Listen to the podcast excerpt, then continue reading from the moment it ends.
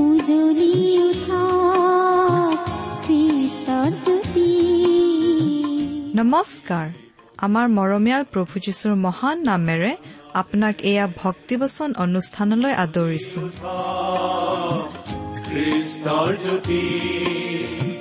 আকাশ বতাহ মুখৰিত কৰি গাঁও সবে মিলি গীতি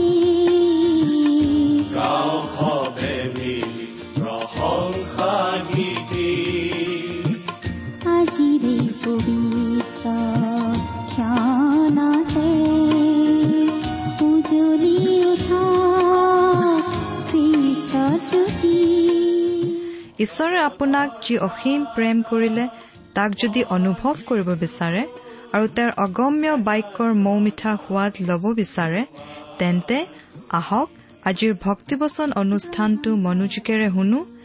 এয়া আপোনালৈ আগবঢ়াইছো ঈশ্বৰৰ জীৱন্ত বাক্যৰ অনুষ্ঠান ভক্তিবচন। আমাৰ মহান ত্ৰাণকৰ্তা প্ৰভু যীশুখ্ৰীষ্টৰ নামত নমস্কাৰ প্ৰিয় শ্ৰোতা। প্ৰথমতে আপোনাক ধন্যবাদ জনাইছো কাৰণ আপুনি আমাৰ এই অনুষ্ঠান শুনিছে। এই বাইবেল অধ্যয়নৰ অনুষ্ঠান আমি অতি আগ্ৰহেৰে প্ৰস্তুত কৰো। আমাৰ শ্ৰোতাসকলৰ সহায় হওক বুলি। যদিও এই কামৰ বাবে আমি নিজকে উপযুক্ত বুলি নাভাবো কিন্তু আমাৰ মহান ত্ৰাণকৰ্তা প্ৰভু যীশুখ্ৰীষ্টৰ বাণী প্ৰকাশ কৰাৰ যি দায়িত্ব সেই দায়িত্বৰ প্ৰতি সঁহাৰি দিবলৈ চেষ্টা কৰিয়েই আমি আজিলৈকে এই কাম কৰি আছো। এই অনুষ্ঠান শুনি আপুনি বাৰু কেনে পাইছে? দুষাৰিমান আমালৈ লিখি পঠিয়াবচোন। আমাৰ যোগাযোগৰ ঠিকনা? ভক্তিবচন টি ডাব্লিউ আৰ ইণ্ডিয়া ডাক পাকচ নম্বৰ সাত শূন্য গুৱাহাটী সাত আঠ এক শূন্য শূন্য এক। ঠিকনাটো আৰু এবাৰ কৈছো ভক্তিবচন টি ডাব্লিউ আৰ ইণ্ডিয়া। ডাক পাকচ নম্বৰ সাত শূন্য গুৱাহাটী সাত আঠ এক শূন্য শূন্য এক। আহকচোন আজিৰ বাইবেল অধ্যয়ন আৰম্ভ কৰাৰ আগতে খন্তেক প্ৰাৰ্থনাত মূৰ দুৱাওঁ। স্বৰ্গত থকা অসীম দয়ালু কৰোণাময় পিতা তোমাক ধন্যবাদ দিওঁ কাৰণ তোমাৰ বাক্য অধ্যয়ন কৰি তোমাৰ মাত শুনিবলৈ তোমাক ওচৰৰ পৰা লগ পাবলৈ এই সুন্দৰ সময় এই সুন্দৰ সুযোগ তুমি আমাক দান কৰিছা। প্ৰভু এই অনুষ্ঠান শুনি থকা আমাৰ মৰমৰ শ্ৰোতাসকলৰ কাৰণে প্ৰাৰ্থনা কৰো। তেওঁলোকক তুমি বিশেষভাৱে আশীৰ্বাদ কৰা। এই অনুষ্ঠানৰ যোগেৰে তোমাৰ স্পষ্ট মাত তেওঁলোকক শুনিবলৈ দিয়া। কিয়নো এই প্ৰাৰ্থনা ক্ৰুচত আমাৰ হকে প্ৰাণ দি আমাৰ পৰিত্ৰাণৰ পথ প্ৰস্তুত কৰা মৃত্যুঞ্জয় প্ৰভু যীশুখ্ৰীষ্টৰ নামত আগবঢ়াইছো। আহমেন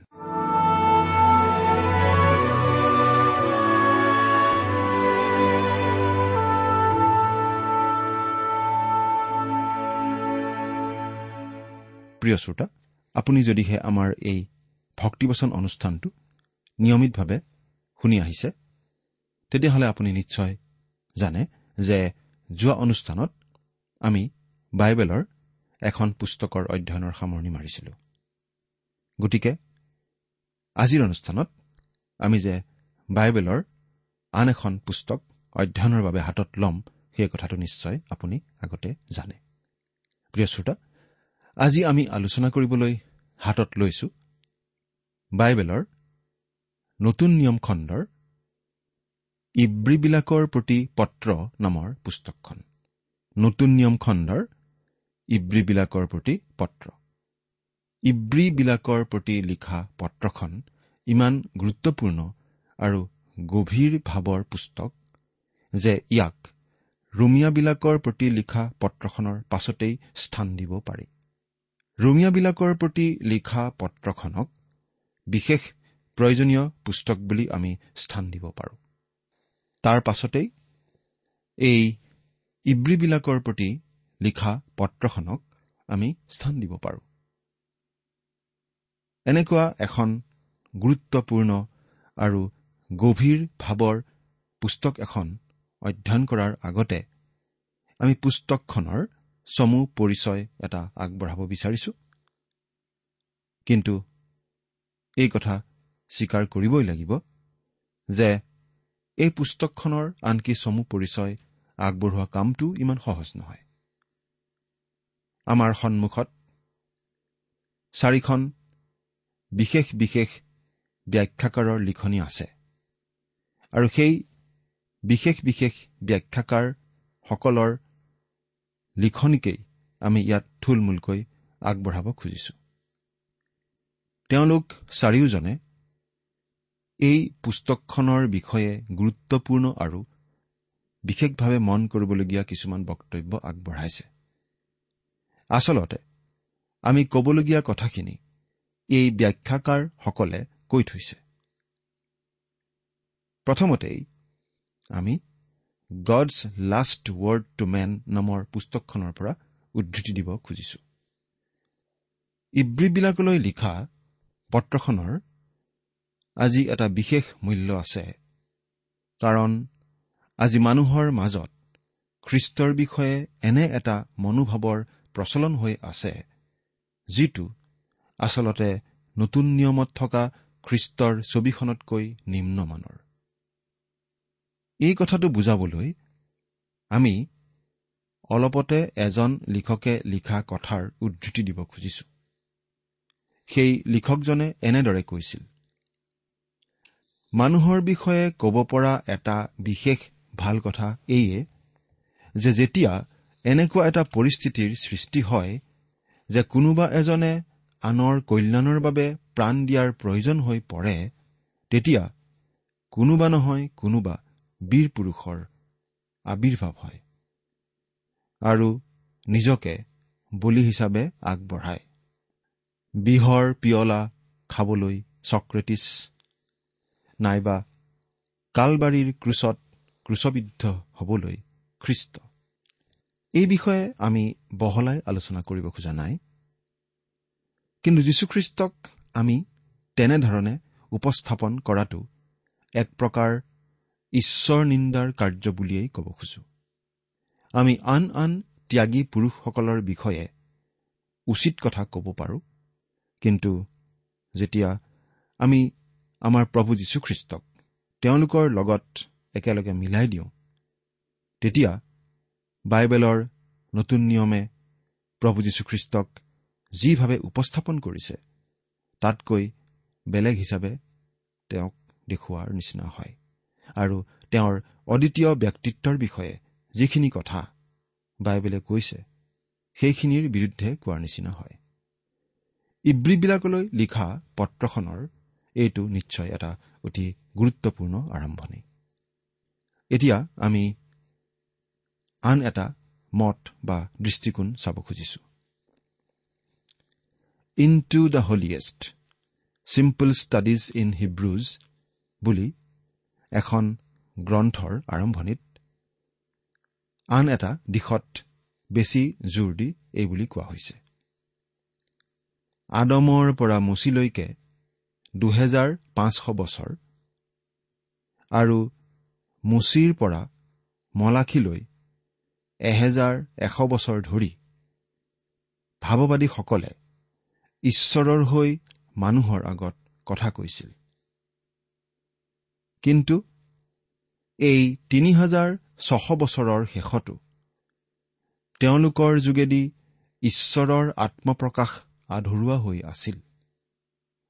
তাৰ পাছত চাৰি হাজাৰ বছৰ নিৰৱতাৰ পাছত কাল সম্পূৰ্ণ হলত ঈশ্বৰে তেওঁৰ পুত্ৰক পঠালে আৰু তেওঁৰ সেই পুত্ৰত ঈশ্বৰৰ প্ৰকাশ সম্পূৰ্ণ হ'ল।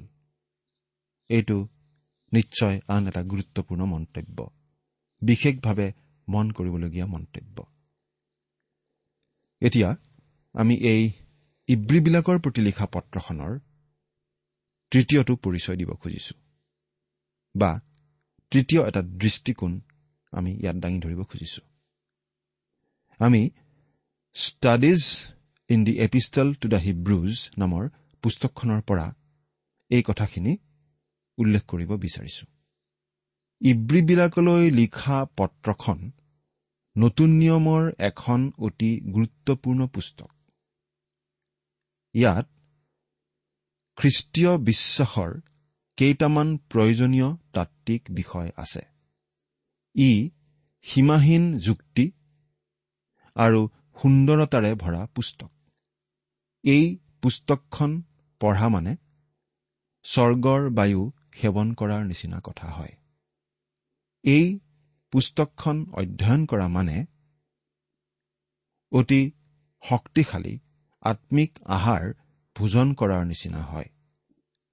ইয়াৰ শিকনিত থকা মানে এই পুস্তকখনৰ শিক্ষা মানি চলা মানে খ্ৰীষ্টীয় সত্য আৰু স্বয়ং খ্ৰীষ্টৰ জ্ঞানত অপৰিপক্কতাৰ পৰা পৰিপক্কতালৈ বৃদ্ধি পোৱা।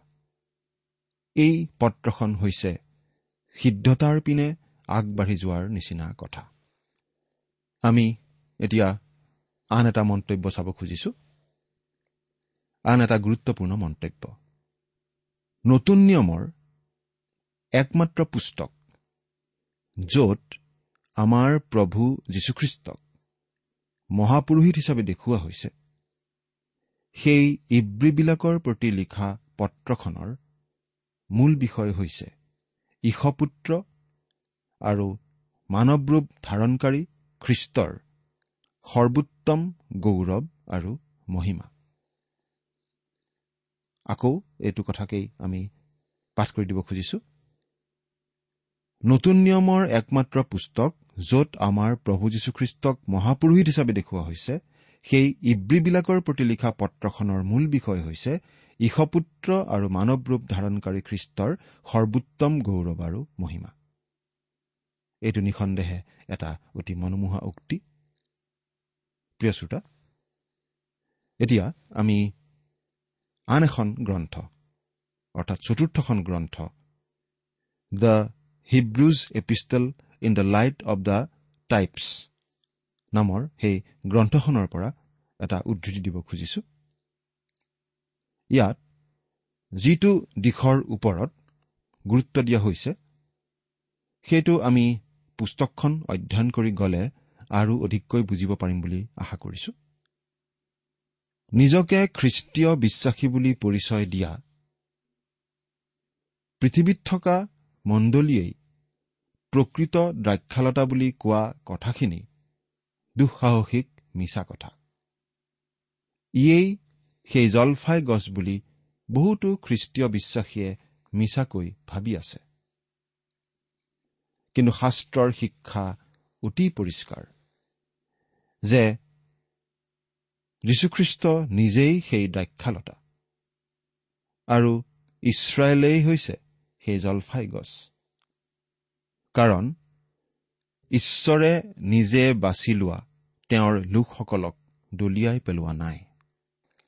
ইব্ৰীবিলাকলৈ লিখা এই পত্ৰখন পশ্চিমীয়া মণ্ডলীসকলে বহুদিনলৈকে গ্ৰহণ কৰি লোৱা নাছিল। আচলতে মণ্ডলীয়ে ইছৰাইলৰ ঠাই ল'ব বিচাৰিছিল বাবেই এনে হৈছিল। তেওঁলোকে ঈশ্বৰে ইছৰাইল জাতিৰ প্ৰতি কৰা সকলো প্ৰতিজ্ঞা খ্ৰীষ্টীয় মণ্ডলীৰ ক্ষেত্ৰত প্ৰযোজ্য বুলি ধৰি লৈছিল। আৰু সেইবোৰ আক্ষৰিক অৰ্থত নলৈ তেওঁলোকে আত্মিক অৰ্থত গ্ৰহণ কৰিছিল। তেওঁলোকে ইছৰাইল জাতিৰ প্ৰতি ঈশ্বৰৰ যি বিশেষ পৰিকল্পনা সেইটো অগ্ৰাহ্য কৰিছিল। আৰু সেইবাবে সেই সময়ৰ খ্ৰীষ্টীয় মণ্ডলী আচলতে যিহুদী বিৰোধী হৈ পৰিছিল। গতিকে ঈশ্বৰে ইছৰাইল জাতিৰ প্ৰতি হাত ধুই দিলে। ঈশ্বৰে ইছৰাইল জাতিক সম্পূৰ্ণ পৰিত্যাগ কৰিলে বা একেবাৰে এৰি দিলে বুলি কোৱাটো এটা দুখ লগা ধৰণৰ ভুল হ'ব। প্ৰিয় শ্ৰোতা আমি বিশ্বাস কৰোঁ যে এই ইব্ৰী পত্ৰখন অধ্যয়ন কৰিলে আমি এই কথা বুজি পোৱাত সহায় হ'ব যে এই ইব্ৰী লোক সদায় ইব্ৰীয়েই। তেওঁ খ্ৰীষ্টীয় বিশ্বাসী হৈ পঢ়িলেও সদায় ইব্ৰী লোক হৈয়েই থাকিব। সদায় যিহুদী লোক হৈয়ে থাকিব। আমি এই কথা মনত ৰখা উচিত। আৰু আমি মাজে মাজে এই কথা উল্লেখ কৰি আহিছো যে কোনো এজন মানুহে যেতিয়া প্ৰভু যীশুখ্ৰীষ্টত বিশ্বাস স্থাপন কৰে কোনো এজন মানুহে যেতিয়া প্ৰভু যীশুখ্ৰীষ্টক নিজৰ ত্ৰাণকৰ্তা বুলি গ্ৰহণ কৰে তেতিয়া সেই মানুহজনৰ জাতীয়তা সলনি নহয়। তেওঁ যি জাতিৰ মানুহ সেই জাতিৰ লোক হৈয়ে থাকে। কেৱল সেই মানুহজন খ্ৰীষ্টীয় বিশ্বাসীসকলৰ সমষ্টি অৰ্থাৎ খ্ৰীষ্টীয় মণ্ডলী নামৰ শৰীৰটোৰ অন্তৰ্ভুক্ত হৈ পৰে। কিন্তু তেওঁ আগৰ জাতিৰ আগৰ নিচিনা মানুহ হৈয়ে থাকে। ঈশ্বৰে জিহুদী আৰু অনা জিহুদী এই দুয়ো শ্ৰেণীৰ মাজৰ পৰাই নিজলৈ বুলি মানুহ আহ্বান কৰি আছে। সেই কাম যেতিয়া সমাধা হ'ব তেতিয়া তেওঁ এই পৃথিৱীৰ পৰা খ্ৰীষ্টীয় মণ্ডলীক উত্তোলিত কৰি লৈ যাব। খ্ৰীষ্টত বিশ্বাস কৰা লোকসকলক তেওঁ এই পৃথিৱীৰ পৰা উঠাই লৈ যাব। কিন্তু তেওঁ ইছৰাইল জাতিৰ সৈতে কাম কৰি যাব। সেই ইছৰাইল জাতিৰ প্ৰতি কৰা তেওঁৰ প্ৰতিজ্ঞা তেওঁৰ আঁচনি তেওঁৰ পৰিকল্পনা আদি তেওঁ সফল কৰিব। তেওঁলোকৰ যোগেদি সেই সময়ত পৃথিৱীত থাকিবলগীয়া পৰজাতীয় লোকবিলাকৰ ক্ষেত্ৰত থকা তেওঁৰ পৰিকল্পনাও ঈশ্বৰে সিদ্ধ কৰিব। ইব্ৰীবিলাকৰ প্ৰতি লিখা পত্ৰখন আচলতে কাৰ যোগেদি লিখা হৈছিল সেই বিষয়টো লৈও বিভিন্ন পণ্ডিতৰ মাজত মতভেদ আছে। যদিও কোনো কোনো বাইবেলত এইখন পৌলৰ পত্ৰ বুলিয়েই উল্লেখ কৰা আছে তথাপি সেই বিষয়ে অলপ সন্দেহ নথকা নহয়। যদি পাচনি পৌলে লিখা নাছিল তেনেহলেনো এই ইব্ৰীবিলাকলৈ লিখা পত্ৰখন কোনে লিখিছিল? সেই বিষয়েও মানুহবোৰ একমত নহয়। কিন্তু বেছিভাগ পণ্ডিতেই মানিব খোজে যে ইব্ৰীবিলাকলৈ লিখা এই পত্ৰখন পাচনি পৌলেই লিখিছিল বুলি। তথাপি বহুতো লোকে এই কথাটোত একমত নহয়। কিন্তু কোন মানুহৰ যোগেদি ঈশ্বৰে এই পত্ৰখন লিখাইছিল সেইটো আচলতে প্ৰয়োজনীয় প্ৰশ্ন নহয়। কিন্তু ইব্ৰীবিলাকলৈ লিখা এই পত্ৰখন যে ঈশ্বৰ নিশ্বাসিত বাক্য ঈশ্বৰৰ জীৱন্ত বাক্য সেই কথাটোহে গুৰুত্বপূৰ্ণ। আমি আচলতে বাইবেলৰ ক্ষেত্ৰত এই কথাটোহে সদায় গুৰুত্ব দিব লাগে। কাৰ হতুৱাই সেই কথাটো লিখা হৈছে সেই পুস্তকখন লিখা হৈছে সেই কথাটোতকৈ সেয়া যে সঁচাকৈ ঈশ্বৰৰ বাক্য ঈশ্বৰ নিশ্বাসিত বাক্য সেইটোতহে আমি অধিক গুৰুত্ব দিব লাগে। যদিও এই পত্ৰখন পৌলেই লিখিছিল বুলি আমি একেবাৰে খাটাংকৈ কৈ দিব নোৱাৰো তথাপি পাচনি পৌলেই ইব্ৰীবিলাকলৈ এই পত্ৰখন লিখিছিল বুলি আমি ধৰি ল'ব পাৰোঁ। আৰু এনেদৰে ধৰি লোৱাৰ যথেষ্ট প্ৰমাণ আছে আৰু ভিত্তি আছে। আভ্যন্তৰীণ আৰু বাহ্যিক প্ৰমাণবোৰে এই কথাকেই সমৰ্থন কৰে যে পাচনি পৌলেই এই পত্ৰখন লিখিছিল। আমি তাৰে কেইটামান উদাহৰণ চাব খুজিছো। এই ইব্ৰীবিলাকলৈ লিখা পত্ৰখনৰ লিখকজন বন্দী অৱস্থাত আছিল। আমি কেনেকৈ গম পালো? কাৰণ এই ইব্ৰী পুস্তকৰ দহ নম্বৰ অধ্যায়ৰ চৌত্ৰিশ নম্বৰ পদত আমি এই কথা পাওঁ যে এই পত্ৰখনৰ লিখকজন বন্দী অৱস্থাত আছিল। আপুনি ইচ্ছা কৰিলে চাই ল'ব পাৰে। ইব্ৰী দহ নম্বৰ অধ্যায়ৰ চৌত্ৰিশ নম্বৰ পদ। এই ইব্ৰী পত্ৰৰ লিখকজনে ইটালীৰ পৰা এই পত্ৰখন লিখিছিল। এই কথাটো আমি গম পাওঁ। এই ইব্ৰী পুস্তকৰ তেৰ নম্বৰ অধ্যায়ৰ চৌব্বিছ নম্বৰ পদৰ পৰা। আকৌ কৈ দিছো ইব্ৰী তেৰ নম্বৰ অধ্যায়ৰ চৌব্বিছ নম্বৰ পদ। তাৰপিছত এই পত্ৰখনৰ লিখকজনৰ সংগী আছিল তিমঠি। এই কথাটো আমি গম পাওঁ এই ইব্ৰী পুস্তকৰ তেৰ নম্বৰ অধ্যায়ৰ তেইছ নম্বৰ পদৰ পৰা। আকৌ কৈ দিছো ইব্ৰী তেৰ নম্বৰ অধ্যায়ৰ তেইছ নম্বৰ পদ। অৰ্থাৎ তেওঁ বন্দী অৱস্থাত আছিল তেওঁ ইটালীৰ পৰা লিখিছিল তেওঁৰ সংগী আছিল তিমঠি। এই কথাটোৱে আমাক পাচনি পৌলৰ কথাই মনত পেলাই নিদিয়েনে? তদুপৰি এই ইব্ৰী পত্ৰখন লিখাৰ যিটো ধৰণ বা যিটো শৈলী বা যিটো গঠন সেইটো পাচনি পৌলৰ আন আন লিখনিসমূহৰ লগত মিলে।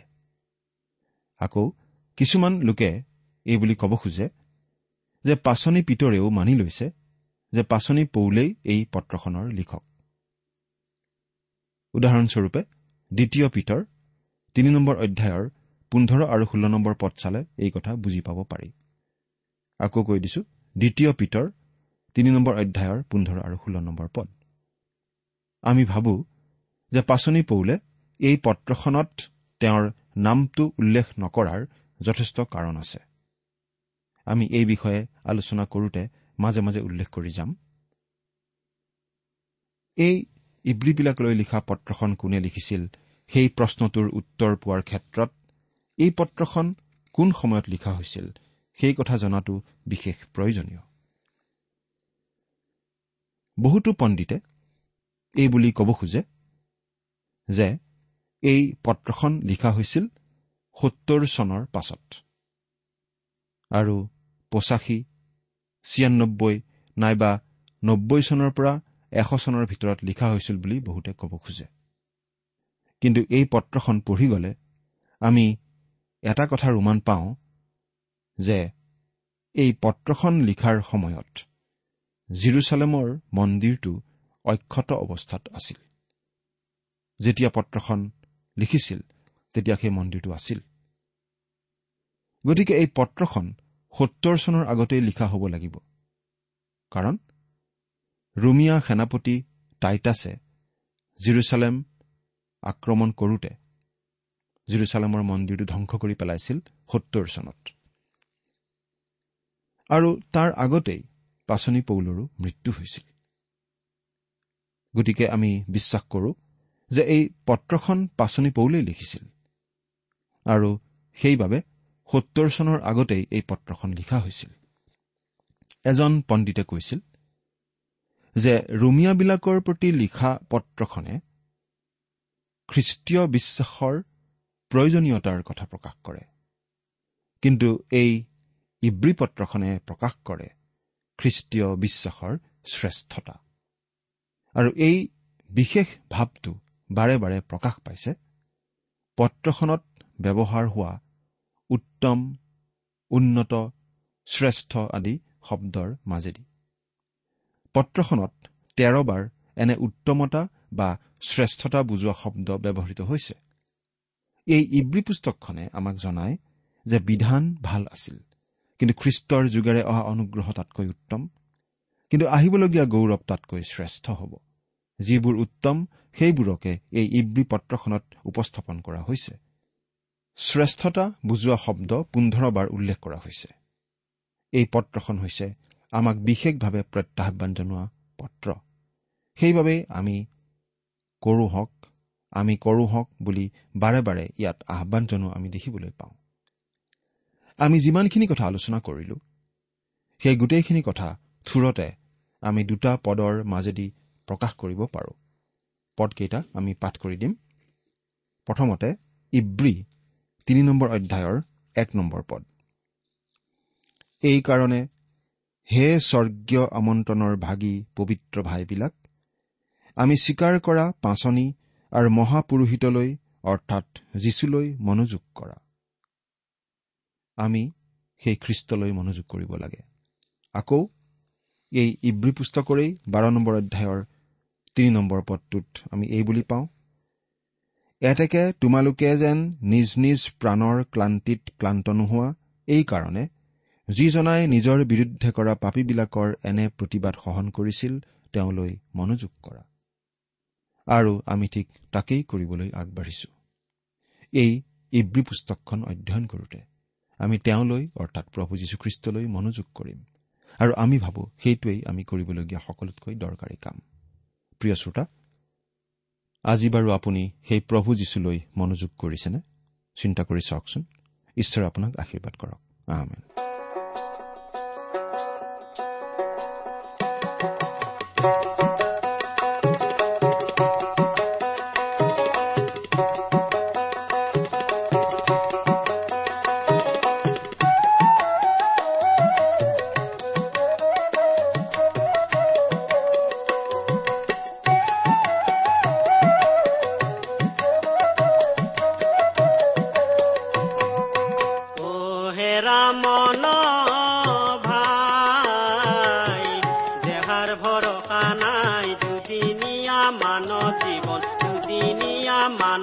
জীৱন আজি আছো কালি নাই। হেৰা মন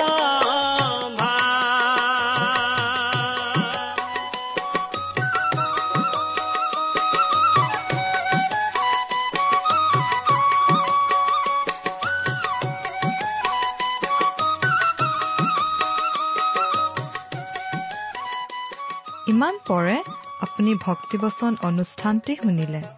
অনুষ্ঠানটি শুনি কেনে পালে? আমালৈ চিঠি লিখি জনাবচোন। অনুষ্ঠানত প্ৰচাৰ কৰা কোনো কথা বুজিব লগা থাকিলেও আমালৈ লিখক। আমাৰ ঠিকনা ভক্তিবচন টি ডাব্লিউ আৰ ইণ্ডিয়া। ডাক পাকচ নম্বৰ সাত শূন্য গুৱাহাটী সাত আঠ এক শূন্য শূন্য এক। ঠিকনাটো আৰু এবাৰ কৈছো ভক্তিবচন টি ডাব্লিউ আৰ ইণ্ডিয়া। ডাক পাকচ নম্বৰ সাত শূন্য গুৱাহাটী সাত আঠ এক শূন্য শূন্য এক। আপুনি ইমেইল যোগেৰেও আমাৰ সৈতে যোগাযোগ কৰিব পাৰে। আমাৰ ইমেইল আইডিটো হৈছে Assamese T TV at radio' eight eight two dot com. আইডিটো আকৌ এবাৰ কৈছো। Assamese T TV at radio' eight eight two dot com. আপুনি টেলিফোনৰ মাধ্যমেৰেও আমাক যোগাযোগ কৰিব পাৰে। আমাৰ টেলিফোন নম্বৰটো হৈছে শূন্য তিনি ছয় এক দুই ছয় শূন্য চাৰি ছয় সাত এক। ফোন নম্বৰটো আকৌ এবাৰ কৈছো zero' three six one two six zero' four six seven one. আজিৰ অনুষ্ঠানটি ইমানতে সামৰিছো। ঈশ্বৰৰ শান্তি আৰু অনুগ্ৰহ আপোনাৰ লগত থাকক। ধন্যবাদ।